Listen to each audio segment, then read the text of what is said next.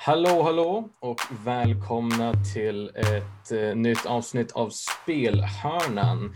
Eh, jag heter Elias Wiklund och i dagens avsnitt så har jag med mig en ny gäst som ska få presentera sig själv alldeles strax.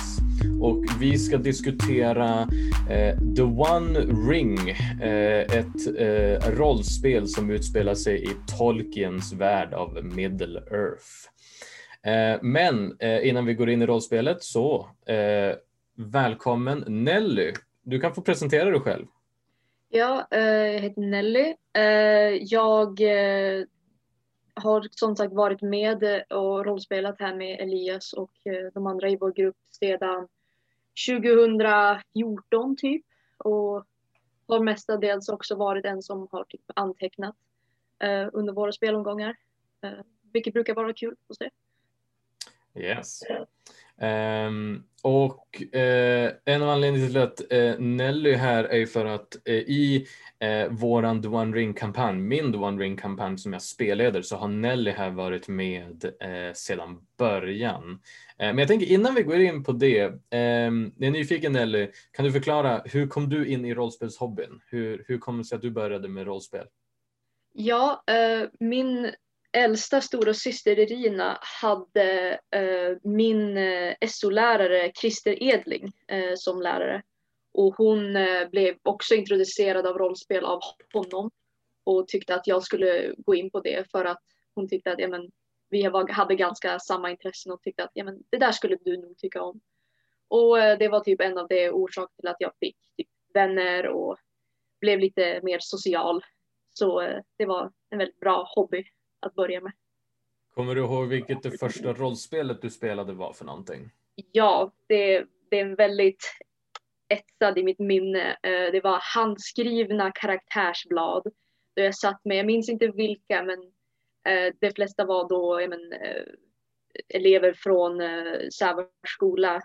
Och jag tyckte inte om det så himla mycket då jag körde i typ bara 20 minuter tills Christer tog ut mig ur rummet och sa okej okay, nu får du köra med de äldre eleverna som liksom har varit med eh, ett tag tidigare och då körde vi något enkelt bankrån i typ fem minuter tills eh, vi behövde gå ur, eh, vad heter det, elevens val var det ju på. Så det, ja, det var inte den bästa introduktionen men, men det var kul att se vilka som var liksom erfarna med att spela och vara spelare. Det lät inte som kanske den bästa eh, starten och bästa så här, första rollspelen. Eh, men eh, du, du, du stannade kvar. Ja. Och genom åren så, ehm, du har varit mycket av en spelare, men du har försökt att spelleda också, eller hur? Ja, jag har märkt att det som har varit det svåra med att spelleda har för det första varit att välja ut ett system och lära sig det. För jag gillar inte att studera, eh, vilket det alltid känns så när man liksom kollar de här stora tjocka böckerna med spelregler och man bara nej, jag tänker inte läsa det där. Och så hittar man på någonting eget och så är det skitdåligt. Eh, och sen så också det här med att ja, men improvisera och liksom sätta sig in i den här känslan och få spelarna att tycka om det. Det, det är väldigt svårt och jag har haft mm. eh, svårt att gå in i det. Eh, men jag, jag försöker. Eh, jag tycker, att, jag tycker det är kul att känna den här kontrollen. Så eh, jag vill försöka börja med det igen. Det är en av de roligaste delarna. Man, man, man har all makt då man, eh, då man är spelledare. Eh, men eh, du, du, du som sagt eh, började rollspela någon gång typ så 2014. Jag tror att det var ungefär så 2013 för mig. Så jag menar, mm. alltså, det är ett tag sedan.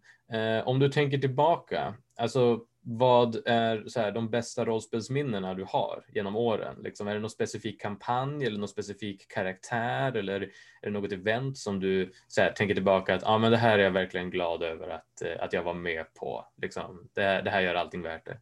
Jo, eh, jag känner att man har ju lärt sig att bli en bättre spelare bland åren så det är de nyare som har liksom, typ förra året så, som verkligen känns så här eh, personligen.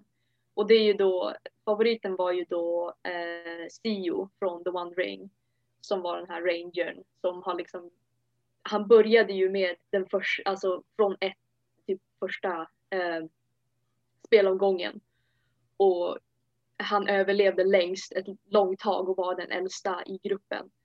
Eh, och jag blev väldigt personligt eh, dragen till honom. Eh, sen så innan dess så kändes det inte som att jag helt och hållet spelade karaktärerna. De var mestadels bara mig själv.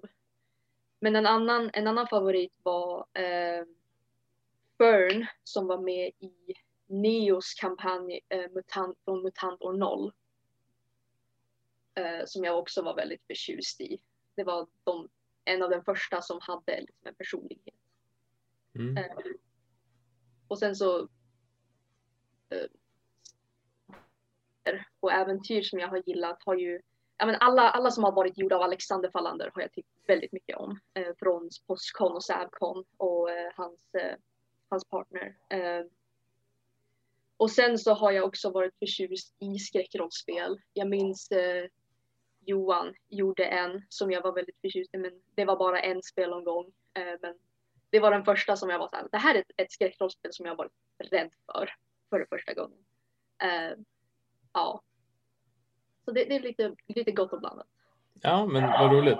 Det, det, är nog ofta så att karaktärer tror jag är ofta de som, eh, som, som man fäster sig vid. Speciellt som spelare.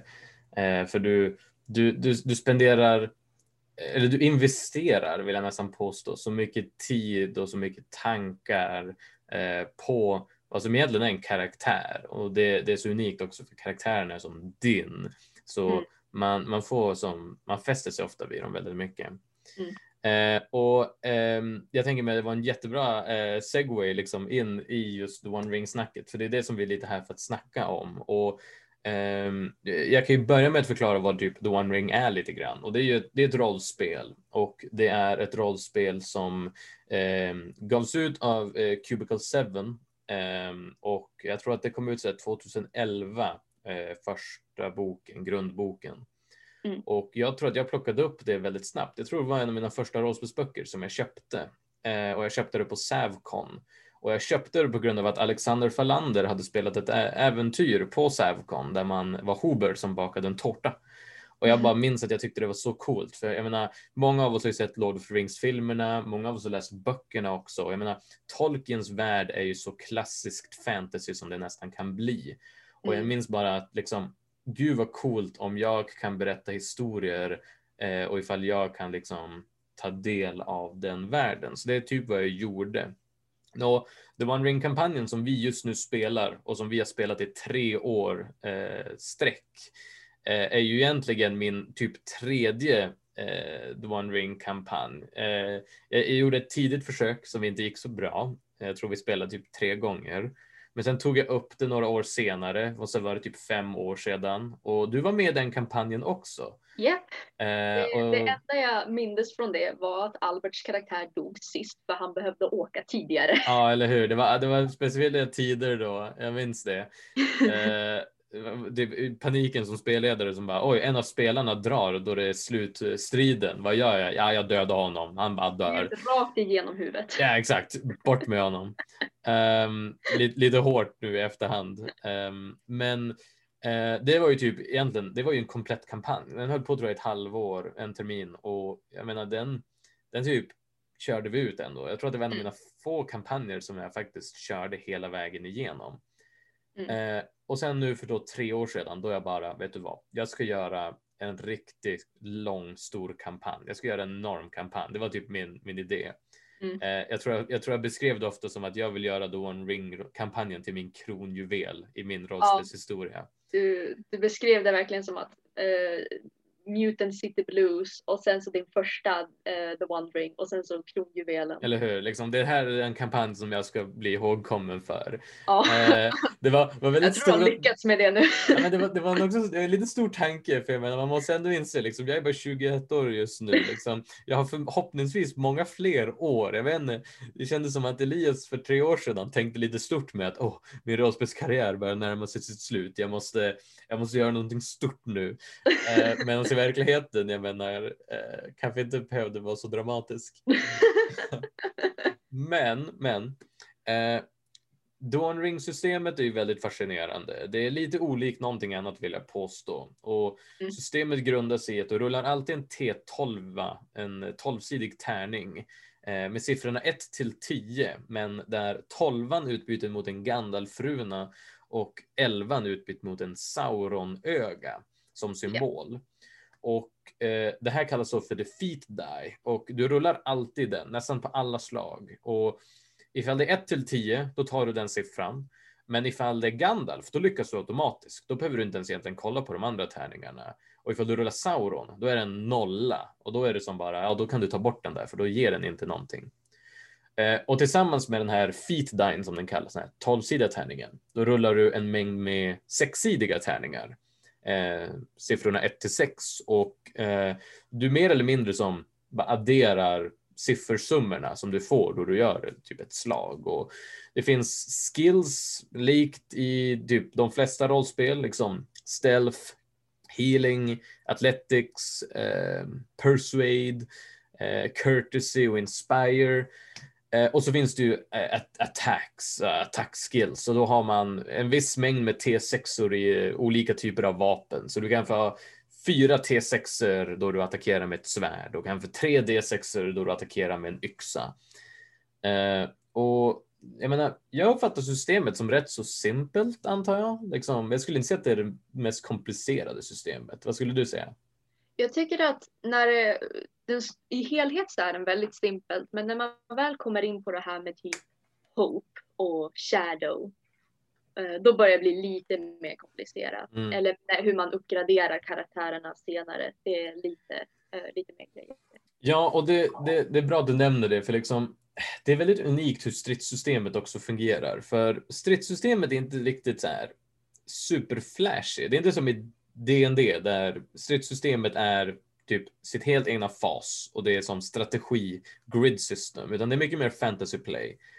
Och stridssystemet går också ut på att liksom, du har inte hit points nödvändigtvis. Du har som inte HP, utan du har endurance, vilket är din uthållighet. Så varje smäll du tar sänker din endurance. Och när din endurance går under ett visst threshold som kallas för fatigue, då blir du utmattad. Och att vara utmattad, eller weary som det kallas, det är ganska så illa. För det betyder att alla ettor, tvåor och treor som du rullar på dina sexsidiga tärningar är lika med noll. Mm. Så har du otur så kan du rulla riktigt illa. Eh, och om du går ner på noll endurance, du är inte döende. Det är simpelt nog bara att du är helt utmattad och bara kan typ du kan, du kan bara ligga där och typ vara helt körd. Eh, vilket liksom, det är bra, du är inte död. Men det betyder ju att fienden kan ju bara komma upp och som, ja, du vet, attackera dig. Och, ja, eller hur? Bara, som det kallas i spelet, coup de gras, eller typ avrätta kan man ju Mm. nästan kalla det. Eh, och, och Shadow är, som, är lite som den andra sidan. Det är som en mental eh, typ endurance. Där varje spelare har en mängd med hope-poäng. Och du kan spendera hope för att lägga till siffror eh, på ett specifikt slag. Men om du spenderar för mycket hope, då kan du hamna vid ditt hope threshold, vilket är baserat på en shadow score. Och shadow score representerar typ lite grann hur din karaktär är typ så här negativt påverkad. Liksom typ din karaktärs onda sidor. Jag gillar att representera lite grann med typ Boromir i, i Lord of the Rings-filmerna och böckerna och kanske ska säga nu liksom, exempel. men jag kanske ska säga det liksom redan nu att det finns kanske en del spoilers för, eh, för Lord of the Rings-filmerna och, och för böckerna så, och Hobbit för den delen. Så har ni inte sett filmerna eller läst böckerna så eh, ni har blivit varnade. Men, han, han men känns liksom, ju, ja, han känns ju som att han hade eh, det i, i liksom karaktärernas i, högst upp på karaktärsbladet så finns ju också calling Mm, och eh, shadow weakness. Jag känner att Boromir har typ lure of power med hur e- han, eh, hur han vill ha ringen och typ Thorin Oakenshield har ju definitivt dragon sickness. Mm. Ja, men det, det är som, i, I The One Ring så handlar det väldigt mycket liksom om att, att folk kan bli korrupta och liksom karaktärer kan bli typ över, så här, ö, ö, övertas och bli så här, typ onda nästan. Ehm, och jag jag tycker det är en riktigt intressant som det, det är en väldigt intressant mekanik. Den är lite komplicerad men den är intressant. Ehm, Speciellt för att man dör inte så himla enkelt i The Wandering. Så därför Mm. har man förmodligen det här sättet att liksom den här pressen att hålla sig, ö, att överleva. Ja, Antingen så kan du dö eller så kan du bli korrupterad och då liksom eller hur? spela din karaktär längre. Nej, men, och, och The One Ring är verkligen ett hjälterollspel. Eh, jag menar, det är inte det rymden av rollspel där du kan spela riktigt som alldeles för moraliskt grå eller typ en, en, en typ, alltså du kan inte spela riktigt onda karaktärer. Det är inte som i D&D där du kan typ ha en, en evil campaign eller kanske i typ ehm, eh, i MUTANT år 0, liksom, du kan typ ändå vara typ lite av kanske typ en raider av något slag och du kan vara Mm. lite mer av en så här typ, typ ja, men vi torterar en kille för att få reda på information. Liksom. Om, Ja. du, om du är elak i The One Ring, då får du Shadow. Liksom. Jag tror att i reglerna så är det någonting i stil med typ att om du, om du gravplundrar så får du typ två Shadow och ifall du typ, ifall du typ mördar en oskyldig, då är det som, ja där, där, är- där får du ett Shadow. Liksom. Torterar du någon, då är det tre Shadow. Liksom. Det, rollspelet är inte byggt för att man ska vara typ bad guys. Och jag, jag tror att det är lite kopplat till liksom hur, liksom i The One Ring, eh, i Lord of the Rings, i böckerna och i filmerna, då är det ju nästan alla karaktärer som är huvudkaraktärer är ju ändå goda. Liksom. Mm. De, det är ingen som riktigt är som ond eh, som är huvudkaraktär på det sättet. Liksom. Ehm, Det är alltid den här att bekämpa eh, ondskan och ögat. Mm. Men det är också vad som är så fascinerande för liksom, det går inte riktigt att heller typ vinna då det kommer till ehm, typ så här, mot Sauron. Liksom. Det går ju inte liksom att, att, att stoppa ondskan på samma sätt. Det, det, det enda man kan göra i The One Ring är lite grann att typ försöka överleva och typ Mm. ta de små vinster som man kan. Och jag kan ju lite förklara hur, hur min kampanj i The One Ring är strukturerad. Och den är ju strukturerad på det sättet att den började år 2951 i den tredje eran. Vilket jag är rätt säker på är sådär kanske 20 år efter Hobbit utspelar sig. Och runt, oj, måste vara runt 70 år eller något sånt innan eh, Lord of the Rings utspelar sig. Och min kampanj går då ut på att det är två grupper som hittade varsin halva av ett magiskt svärd som hade förstörts. Och eh, den första akten som jag tror vi spelade ungefär ett halvår handlade bara om att de här två grupperna som var på två olika sidor av världen. En var uppe i, i Forroshelbukten, vilket är långt norr om, om Bree och fylket. Den andra gruppen var i Mordor. Liksom, de här två grupperna måste mötas och det här svärdet måste smidas samman. För det här är ett väldigt kraftfullt magiskt svärd som kan hjälpa gruppen. Och liksom allting vad det handlar om är liksom att det är den här magiska gamla kungen som gick vid namnet Arvidu som var kung över Arnor-riket uppe i norr för tusen år sedan. Och han, blev, han blev som dödad eller bortjagad av häxkungen. Eh, och hela hans idé är liksom att han, han vill ha revansch, han vill ha, han vill ha hämnd och eh, liksom vad det handlar då om är att den här gruppen som smidde samman svärdet har utvecklats nu till att bli typ den här äventyrsgruppen som kallas för Arvidius kämpar. Och vad de gör är mer eller mindre, de hjälper till där de kan. Liksom, just nu så har de arbetat väldigt mycket i mörkmården, eh, i Mörkwood, för det har varit mycket problem där.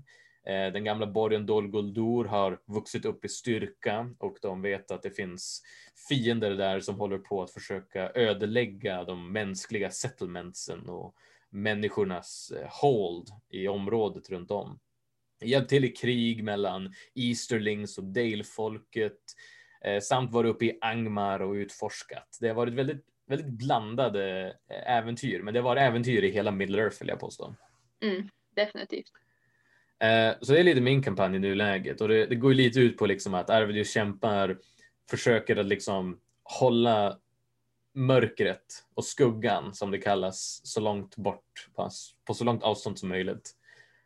Um, medan samtidigt de försöker att överleva. Uh, som, som du sa, liksom, The One Ring är inte det rollspel där det är jätteenkelt att dö, men, men det händer ju ändå. Mm. Um, För att i, i D&D så är det ju mera, det, där känns det inte som att det är mycket av en grej när man dör. Det är så här, jaha, då får jag göra en ny karaktär. Medan i The One Ring, då ska det ju vara som en, som när Boromir liksom att det ska vara den här scenen, det ska vara tragiskt, man ska sitta där efteråt och känna liksom att man har förlorat någonting. Mm. Och det gör det verkligen när, när karaktärer dör i den här kampanjen. Eh, och därför vill man ju inte dö och det liksom, man försöker undvika det. Speciellt för att det känns mer, jag vet inte, jag har inte kollat vår lista på, på uh, försvunna karaktärer. Men det känns ändå som att eh, karaktärer som har försvunnit av att de har blivit korrupterade och de som har dött är ganska jämlika. Jag skulle nog påstå det också. Eh, vi nämnde inte det tidigare, men om din karaktär liksom går ner på en hope score som är under din shadow, då blir din karaktär miserable.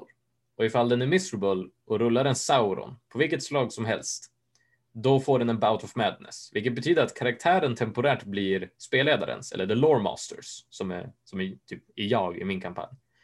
Och ifall det händer fem gånger, då kommer inte karaktären tillbaka till spelaren. För de första fyra gångerna, då tar spelledaren över kontrollen, gör någonting dåligt, gör någonting som se, får det bara att se ut som att karaktären har förlorat lite grann. Typ Boromir som överväger att ge tillbaks ringen men ändå behåller den. Mm. Eh, Pippin som eh, stöter ner en hink ner i en brunn som gör en massa ljud ifrån sig.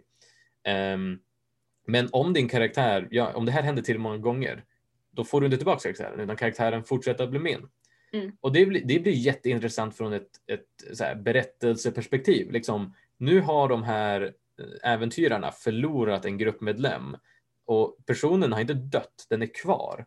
Men personen är inte sig själv. Någonting har gått fel. Ehm, så jag menar, en av karaktärerna heter ju Spökhunden och han, eh, han mer eller mindre snodde ett föremål från gruppen och sen drog han. Mm. Eh, och, Rakt in i mörkmården. eller hur? Och liksom, han är fortfarande kvar någonstans, men gruppen Ja. vet inte vart. Och han har fortfarande kvar det där föremålet som, som de gärna skulle vilja ha. Så jag menar, det, är, ehm, det, det, det, blir, ett, det blir ett problem. Ehm, och det, det, blir, det blir en helt annan sak att förlora kontrollen över en karaktär än att man simpelt dör. Jo, för att det, det där är ju nu en fiende. För att Mm. den är liksom till mörkret. Och det som är intressant när det gäller att när man är under, eh, när hopet är under sin shadow, är att eh, spe, spelet gör ju så att det känns som att det inte ska hända så himla ofta. Men Thorin Oakenshield i The Hobbit känns verkligen som att där, när, han, när de har väl kommit in i eh, berget och han eh, vägrar slåss eh, med alverna eh, mot Mm. orkerna i sista slaget. Där känns det verkligen som att han eh, är miserable hela tiden. Mm. Och det är väl när han väl går ut som att han har fått tillbaka sig. Ja, men Eh. exakt. Det är så det ungefär känns när man är miserable i säkert så här tre spelomgångar på raken och man bara väntar på den där enda shadown som liksom korrupterar en för ett, för ett eh, sekund. Ja, men e- exakt. Och jag tror att man kan se väldigt många sådana ehm, kopplingar mellan böckerna och filmerna och just det här One Ring-systemet. Ehm, liksom, rollspelet utgår ifrån böckerna mer än det utgår ifrån filmerna. Eh, men eftersom filmerna och böckerna är ändå hyfsat så lika, åtminstone i vissa fall, så kan man verkligen dra kopplingarna. Ehm, jag tänker alltid på hur då Legolas surfar ner för trappan på en sköld eh, i Helms Deep-striden i De två tornen. Gandalf Liksom-. Ja men exakt, liksom, då kan man se bara, ah, han har rullat liksom en Gandalf på sitt atletikslag och lyckas så här surfa ner. Och sen så då han typ dödar den här orken direkt, då är det som bara, han rullade en, en Gandalf och fick en critical hit. Och fienden misslyckades på sitt rustningsslag och den här pilen dödade orken direkt.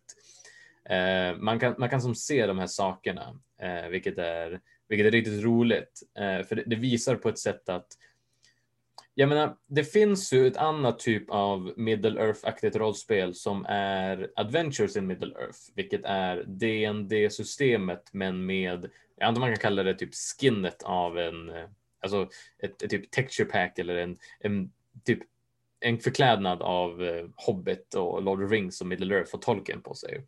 Mm. Men jag känner att dd systemet är väldigt kopplat till just D&D och high fantasy. Och jag menar, Tolkiens värld är lite mer lower fantasy. Liksom, ja, det finns troll, men liksom, det är inte som att alla karaktärer kan kasta magier och magi är väldigt subtilt. Jag menar, det finns drakar typ, men de här drakarna är ju typ, jag menar, de är ju sällsynta, de är väldigt kraftfulla, de är väldigt farliga. Jag menar, det är ändå eh, sin egna grej och då finner jag att ett eget system, ett system som är anpassat för just Tolkiens värld, det är väldigt, eh, jag, jag, tycker om det väldigt mycket. Jag känner att det passar väl.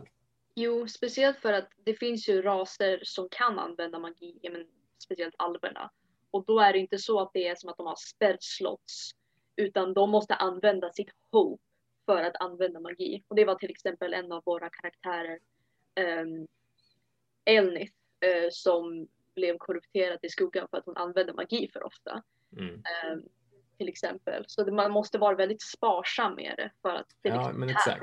Det, det, är som, det är som har en kostnad och, och mm. liksom hon, hennes typ av magi också som alv är ju liksom för alver så är det inte nödvändigtvis magi, det är bara typ vi har de här förmågorna, vi kan göra det här, men det är typ till alla andra som det ser som ut som magiskt. Det är som hur liksom jag tror att som, som alv så kan du typ, du kan tända ett magiskt ljus liksom och det här ljuset lockar till sig folk. Och liksom, det ser ut som, som magi för andra, men för, för alver så är det som bara, liksom, det är ett sätt att liksom typ använda naturen och liksom bara använda sig av de här gamla konsterna. Um, och det, det är som, som du säger, det är väldigt subtilt och det har sitt pris. Liksom. Det är ingenting du kan göra hela tiden. Mm. Uh, jag menar, det är inte som i mer high fantasy um, rollspel eller typ sci-fi rollspel där du bara typ rocket launcher kaboom eller typ fireball kaboom eller typ um, men till och med typ så här um, uh, vad, vad heter det rollspelet nu? Um, liksom typ Call of Cthulhu har ju också sina väldigt övernaturliga som, delar i sig. Mm. Men jag menar, jag antar att One Ring kanske skulle vara med lite inne på det typ spåret också. För liksom, jag, jag gillar typ på ett sätt att liksom mycket av det magiska är sånt som man inte riktigt kan förklara eller förstå sig på. Det är som bara där. Liksom? Det, det är som hur, det är som, det make inte så mycket sens.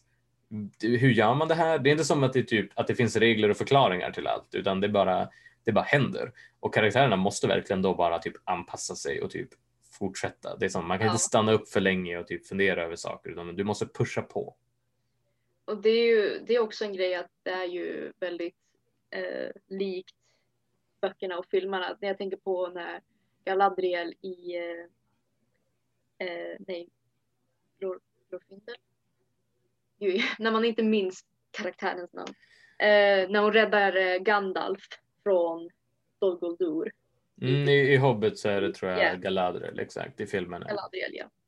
Och eh, hon blir typ svag direkt när hon gör det. Mm. Hon alltid tar honom från, yeah, vad heter det, kysser honom och får tillbaka, han får tillbaka kraft. Mm. Det är ju verkligen två saker som hon gör vid en och samma tillfälle och hon blir typ svag direkt. Mm. Ja men exakt. Det, det, det, är väldigt fascinerande hur, hur det är som hur det går ihop. Eh, och eh, nu är ju, tror jag, The One Ring, alltså första editionen är inte längre tror jag, tillgänglig att köpa. Jag tror inte de görs längre. Eh, men Fria Ligan, eh, svenska rollspelsföretaget, eh, jag är osäker om företaget är rätt ord, men eh, de gör ju svenska rollspel och de har faktiskt nyligen fått rätten till The One Ring och har jag tror att nu när vi spelar in det här, vilket är mars eh, i 2021, ehm, eh, eh, då eh, är kickstarten över och jag tror att kickstarten fick där över 10 miljoner kronor ungefär, eh, vilket är en del, mycket mer än de förväntade sig. Och om jag inte minns fel så ska nog second edition komma ut någon gång slutet av 2021 eller i början av 2022. Eh, och de ska ju då göra om massa saker och göra dem bättre och um, det blir spännande att se hur, hur saker och ting förändras där. Men de verkar hålla sig kvar vid samma typ av core-koncept, så samma tärningssystem och, och samma idéer om endurance och, och hope och shadow. Um, så det blir spännande att se hur, hur saker och ting uh, förändras och ifall, uh, ifall rollspelet kan blir bli ännu mer populärt nu. För jag menar, det känns ändå som att Tolkiens värld fortfarande hålls för liv. Eh, speciellt nu med, eh, jag vet att Amazon håller på att göra en Lord of the Rings-serie Mm. och eh, nu tror jag att det är sådär, det måste vara typ 20-årsjubileum nu också för eh, Lord of the Rings-filmerna. Jo, jag såg det för ett tag sedan eh, på internet att de firade det. Mm. Så vi får se, det, det kanske blir ändå att eh, 2022 då kanske det verkligen eh, blir aktuellt att köra lite mer eh, The One Ring. Ehm, ja, men det, blir, det, blir, det blir spännande att se. Eh, speciellt kanske för oss som har hållit på med det här rollspelet i, i typ tre år. Eh, Mm. Och eh, jösses vilken kampanj det har varit. Ehm, och jag tänker mig så här, för, för du, du har ju varit med sedan starten liksom. Eh, och jag tänker mig, vad är det som du, om du skulle behöva välja, vad är det som du tycker om mest med The One Ring som rollspel? Och vad är det du tycker om lite mindre? Vad är det som är kanske jobbigt med The One Ring som rollspel? Det, det är som ett, vad heter det, ett dubbelsidat svärd. Det som är bra är att man känner sig otroligt nära karaktären. Eh, och att det, man vill verkligen hålla, för att den inte dör så himla fort. För jag har ju haft, som sagt var, Sio. Och han överlevde jättelänge. Och sen så gjorde jag att han fick ett barn. Och nu spelar jag barnet. Så jag är liksom en eh, andra generationens spelare. Vilket gör att men samtidigt så är det så att det som är jobbigt är att uh, det är väldigt mycket sociala grejer som jag har svårt med. Men systemvist så är det nog... Gud, alltså jag... Det finns inte mycket som jag ogillar. För att det är så annorlunda. Uh, man, får ju, man får ju väldigt mycket ibland känsla av att det är den här hopplösheten. För att man måste bara konstant överleva. Man vet att det inte finns egentligen ett lyckligt slut. För att det lyckliga slutet kommer ju med Bilbo. Och med Frodo. Så det, ja. Eh, men det är liksom den, för att det är så himla annorlunda. Eh, att spela gör det ju så kul. Och att det är simpelt. Uh, ja. Men det, det, det, det du säger är ju eh, det, det är sant. Liksom. Jag tycker också att det är en av de, de riktigt fina delarna med just The One Ring som, som, som system. Att liksom, karaktärerna är väldigt men om du lägger ner tid på karaktärerna så kan de göras väldigt unika och genom spelets gång så blir de väldigt unika och väldigt eh, de blir väldigt välutvecklade på grund av att The One Ring utspelar sig under en rätt så lång period oftast. Um, för The One Ring har som idé att man, man spelar enligt vad som kallas för the tale of years, vilket går ut på att man spelar under flera år in game. Um, så våran kampanj började år 2951 i den tredje eran Mm. och nu är vi i år 2976. Vi har rört oss sådär 25 år. Um, och jag menar i i de moduler som har getts ut, i de regionsguider och sånt som har getts ut av, um, av samma skapare som gjorde The One Ring, eh, Cubicle 7, så jag menar de flesta kampanjer sträckte sig sådär under typ, spannet typ tio år. Och idén var liksom det att du kan spela din karaktär inom alla tio år. Eller så kan du spela din karaktär typ i typ tre, fem år. Sen kan du namnge en Ayer. Liksom, din karaktär kanske har ett barn hemma eller typ en kusin som är i bra ålder. Eller Mm. kanske din karaktär har liksom plockat på sig typ en squire under rollspelets gång som är ung och liksom, vet du vad, Mm. det här ska bli min Ayer. Och då blir det din nya karaktär. Och din Ayer måste ju inte vara samma kultur som dig heller. Liksom. Du kan vara en, eh, en alv, eh, typ krigare som fokuserar på bågar, men du väljer en squire som är kanske en, jag menar, en dvärg kanske osannolik, men åtminstone kanske en människa, kanske en Mm. ranger, en ung ranger eh, kvinna som fokuserar mer på kanske yxor. Eh, och då kan det bli din Ayer under de här som, åren som går. Och fokuset är också oftast att varje år så går man ut med ett fokus, ett mål, om man försöker satsa på det. Och det är väldigt intressant. Det är inte någonting som jag tror är medveten om finns i så många andra rollspel. Liksom, de flesta andra rollspel, åtminstone om man tänker långvariga kampanjer, är oftast väldigt mycket typ eh, ja men ni är den här gruppen, nu, nu är det, nu, och så kör man på liksom. Det är inte som Ja. att man typ man gör inga långa skips. Jag menar, jag har inte spelat många kampanjer som sträcker sig över så jättemånga år. Åtminstone inte våra första kampanjer som vi spelade. Och jag tror att de flesta rollspel, om man tänker kampanjvis, jag menar, de kanske utspelar sig kanske på inom ett år, men liksom det är väldigt, det, då är det väldigt roligt att kunna typ ha en karaktär som är typ, oj, min karaktär började som typ 30. Nu är min karaktär typ 40. Vad hände liksom? Det var ju Henriks karaktär som direkt blev, blev en gammal man. Mm. Och han behövde rulla en tärning. Eh, för att han blev så gammal så han behövde sänka sina attributer. Ja, exakt. Han blev, så, han blev så gammal så att varje år så blev han bara som, svagare och svagare mentalt, fysiskt eller psykiskt. Och. Ja, det, blir, det blir klurigt liksom. Så här, eh, det, det uppmuntrar ju också till att folk spelar yngre karaktärer har jag insett. Eh, det är vanligare att folk spelar typ, man spelar en ungdomlig karaktär som, eh, som man vet kan klara sig rätt så länge, Ja. åtminstone åldersvis. Men Sen, eh, sen är det ju så att när man väl spelat en karaktär väldigt länge och man har eh, haft de här, kanske, man kanske har eh, blivit korrupterad typ tre gånger och då börjar man bli så här orolig att men jag vill inte att min karaktär liksom ska bli korrupterad mm, liksom, för alltid och då vill man ju pensionera karaktären.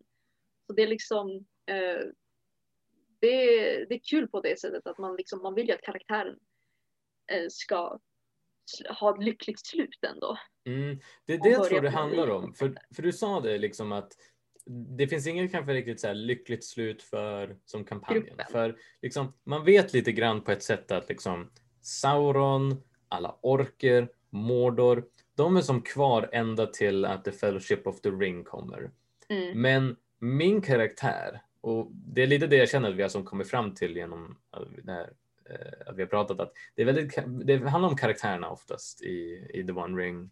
Och då blir det som att, men om min karaktär kan få ett bra slut, då är ju det någonting. Och Mm. det du säger är, väldigt rätt. Många vill som, typ, många är rädda att man ska förlora karaktären eller att karaktären ska dö.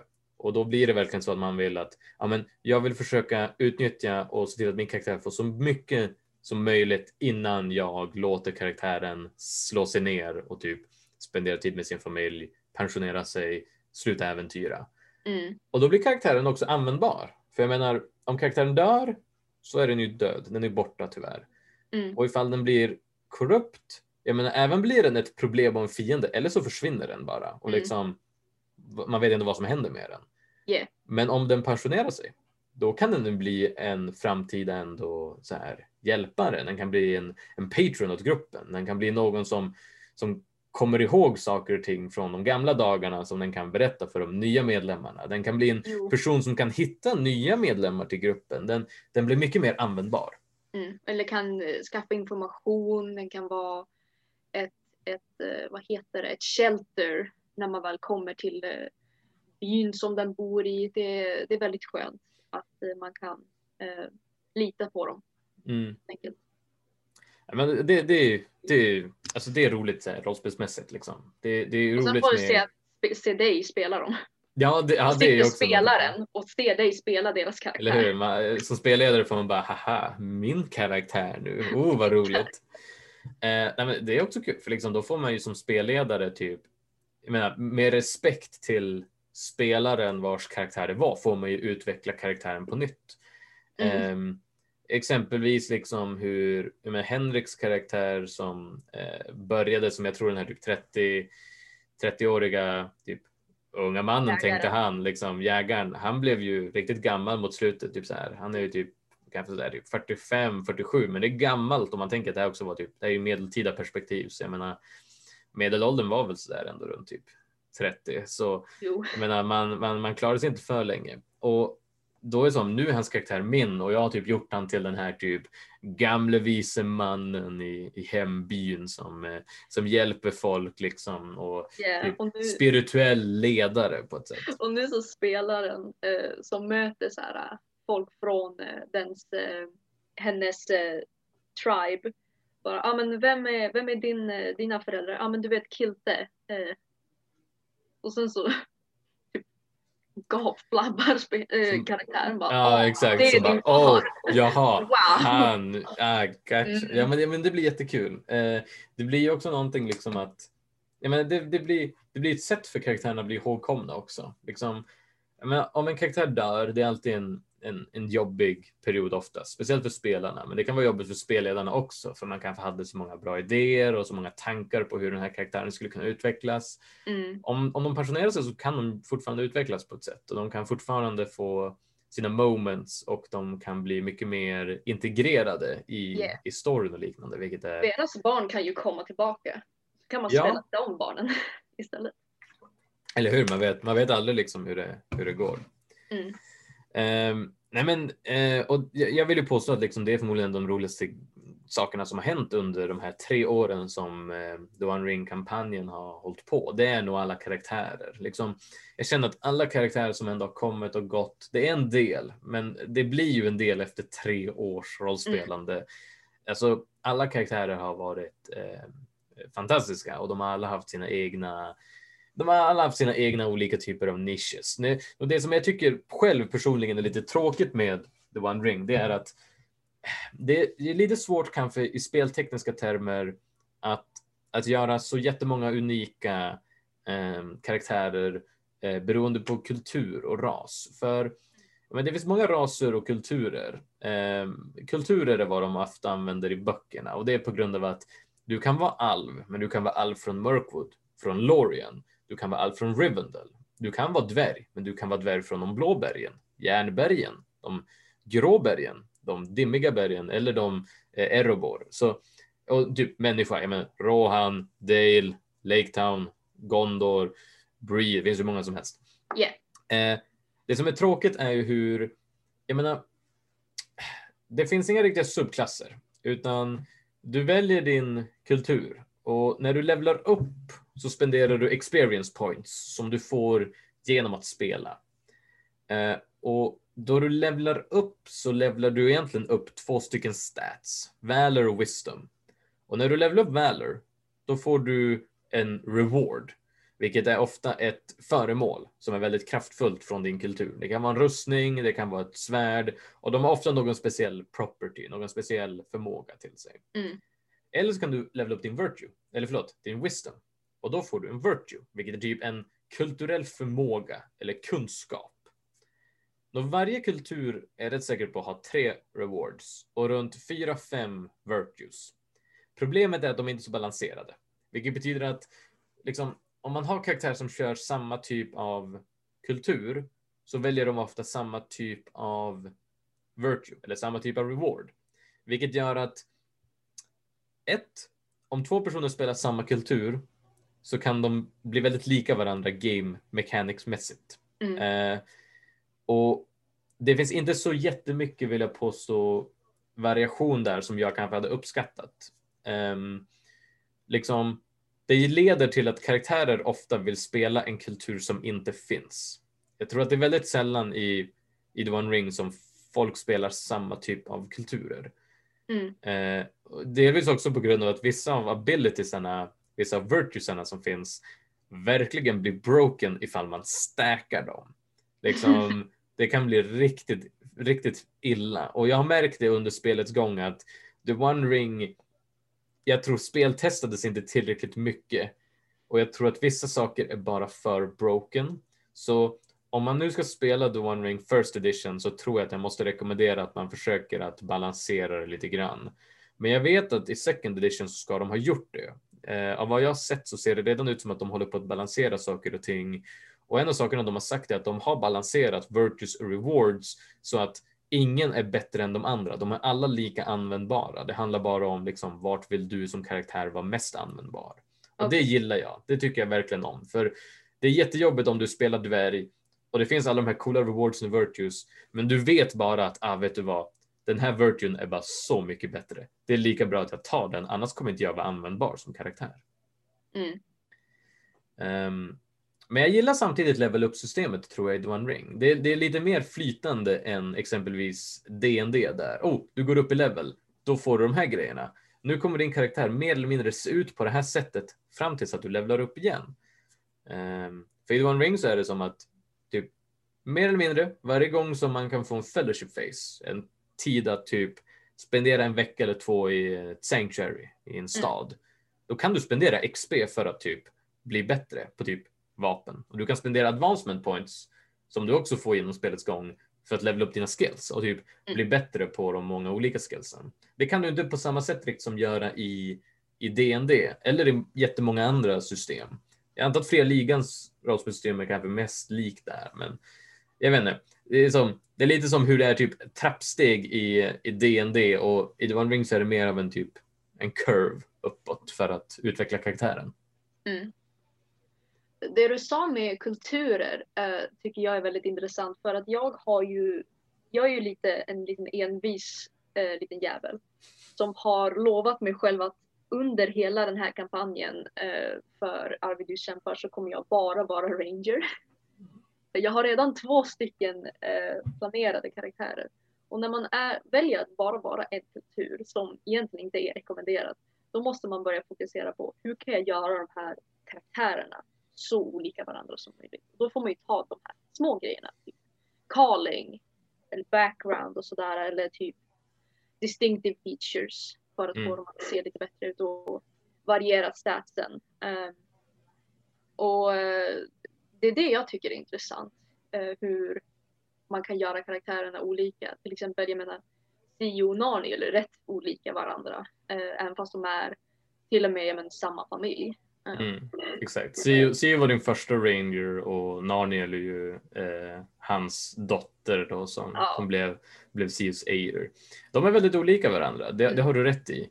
Ehm, liksom, men, men samtidigt, det blir spännande att se när du har kanske spelat, när du är inne på din kanske fjärde eller femte ranger. Liksom, Jag kommer definitivt bli uttråkad, jag tror det. mm, Jag, jag känner att, så här, att jag kanske någon gång så här, när jag vet att det inte är så himla många spelomgångar till slutet, då kanske jag, jag tänker mig när jag bara, vet du vad? I Elias första The One Ring, då var jag en mörkord alv. Jag kanske ska vara en mörkord alv i slutet då. Och bara, jag, förstår, jag förstår vad du tänker. Menar, om man som spelare kan lägga ner lite tid och energi på det, då kan man bygga karaktärer väldigt unikt. Även med de, jag vill påstå, lite begränsade karaktärsoptionserna som finns. Men alltså det går. Eh, men jag önskar bara att det fanns kanske lite mer möjligheter. Kanske lite mer, alltså inte val, men jag menar. Jag tror att ifall man balanserar ut det så tror jag det blir lite enklare. För det, är Mm. som, det är det som är problemet. Liksom.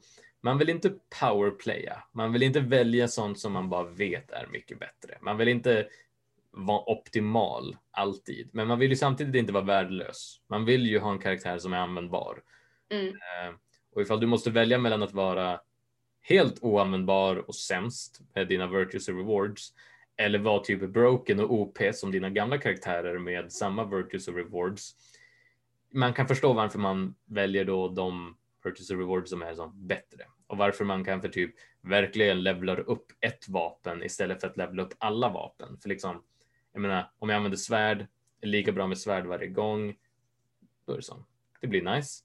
Medans liksom, man tänker kanske inte liksom att oh, men jag kanske ska bli bättre på så här yxor och spjut och svärd. Jag är lika bra på allihopa. Det finns inte lika mycket reward vill jag säga av att kanske göra det som jag hade kanske hoppats. mm, det är sant.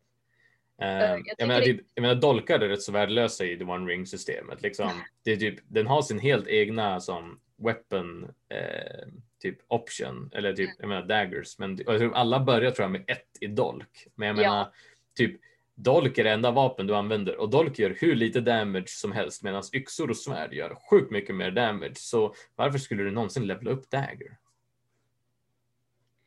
Ja, det är sant. Uh, sen har ju du gjort väldigt mycket homebrew för att göra dolkar lite coolare. Så jag Eller, eller hur? har, har definitivt fokuserat på dolkar på grund av Ja, och, och då blir det ju mycket roligare om, om man som spelledare kan lägga ner tiden och arbetet på att, på att göra det lite bättre. Eh, vi kan ju hoppas att second edition har kanske gjort. Har liknande. coolare saker för dolkar ja. Mm, Eh, eller hur?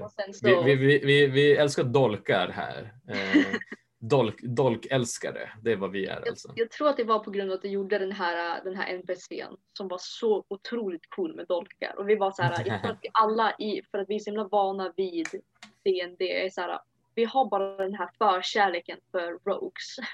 Och vill bara ha dolkar. Kan vara så, kan vara så. Och sen så har inte de så himla mycket encumbrance. Eh, så eh, då har man ju mindre fatigue också. Det är sant, man kan bära Ja. runt på väldigt många dolkar. Ja. Det är sant, det är sant. Mm. Jag måste säga, det tror jag är ett roligt sätt som ändå The One Ring, eh, ett, ett bra sätt som systemet också inkluderar eh, så här, typ carrying capacity. Det finns en del saker med systemet jag är imponerad över hur de ändå har lyckats göra rätt så bra. Liksom, att hålla koll på allt en karaktär bär på, det är rätt så jobbigt. Jag, jag är inte personen som tycker det är roligt. Det kanske finns någon som gör det, men det blir lite för mycket av en form av micromanaging för mig. Liksom. Måste hålla koll på all, hur, allting som jag bär på. Det är lite, Mm. eller hur, allting jag bär på, hur mycket det väger. Det är lite jobbigt. ja, det är Men- imponerande. Men The One Ring gör det till ett, ett, en del av systemet där du plussar ihop typ alla vapen, alla rustningar har en encumbrance-värde. Det har som en, en siffra för hur mycket det väger. Du plussar ihop allting det som du bär på. Det är din fatig. Håll dig ovanför den siffran i endurance. Och det är som det är mycket enklare. Det blir som en Mm. annan grej då, eh, vilket jag, jag tycker om. Liknande också hur de ehm, hur, hur de har gjort eh, systemet med, eh, med liksom typ så här advancement points och sättet att du får advancement points, poängen du använder för att levla upp dina common skills. Det är att du, du rullar tests med common skills och du lyckas på dem. Eller du rullar dem och du får riktigt bra på dem. Liksom, spelet uppmuntrar att du ska rulla och testa saker för att bli bättre på dem. Liksom, om du vill bli bättre på liksom, saker, då måste du få advancement points. Och för att få advancement points så måste du försöka lyckas på saker. Du måste ändå spela spelet. Liksom. Och det är ju väldigt intressant när man väl då kommer till den här tidpunkten när man är typ, ja men, eh, miserable och så. Då är det så här, jag vill bli bättre men samtidigt vill jag inte bli mer corrupted. Och då är det så den där eh, väldigt eh, intressant stress. eh, Mm.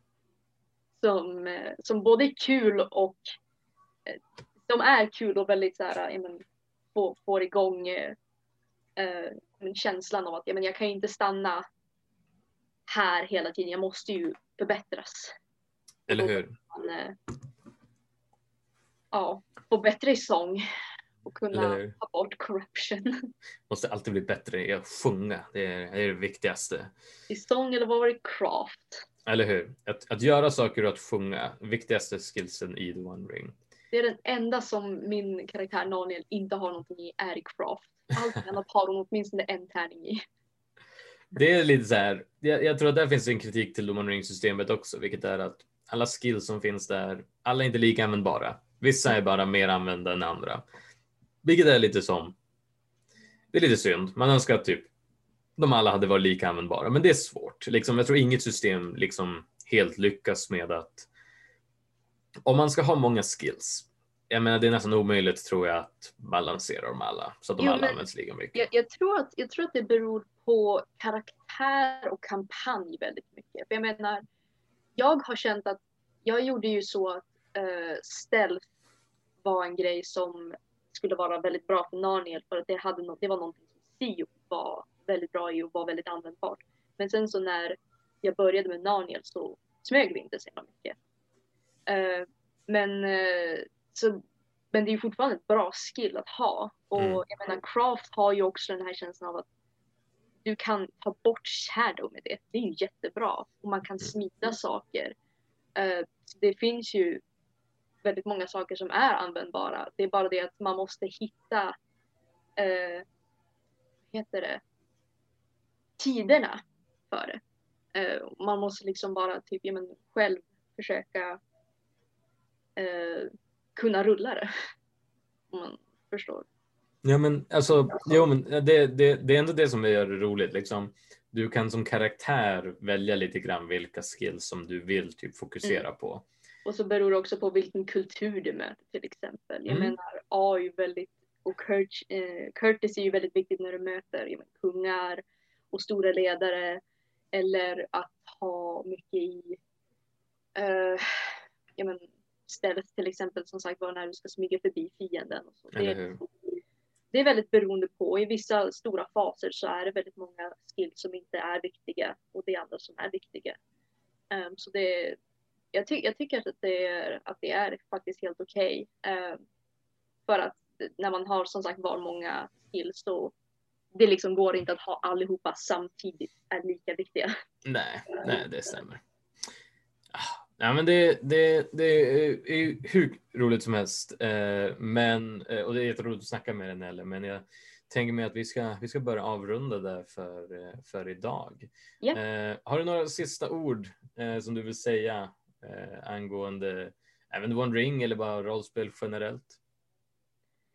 Uh, anmäl dig till Postcon. Nej, men där har vi, bra, bra plugg där. Sävcon och Postcon. Två, två bästa enligt oss. Eh, rollspelskonventen eh, i Västerbotten, kanske i hela Sverige ifall man får säga så. Eh, anmäl dig. Bra idé Nelly. Bra idé. Um, nej men tack så mycket Nelly för att du eh, kom och eh, snackade med eh, mig här idag. Eh, var jättefascinerande, jätteroligt. Och eh, tack till er som lyssnat. Det här har varit Spelhörnan, eh, mitt hörn här med Elias Wiklund.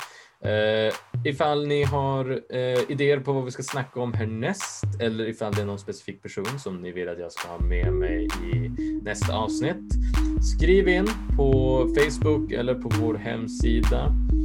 Eh, men vi hörs nästa gång. Ha det så bra. Hej då!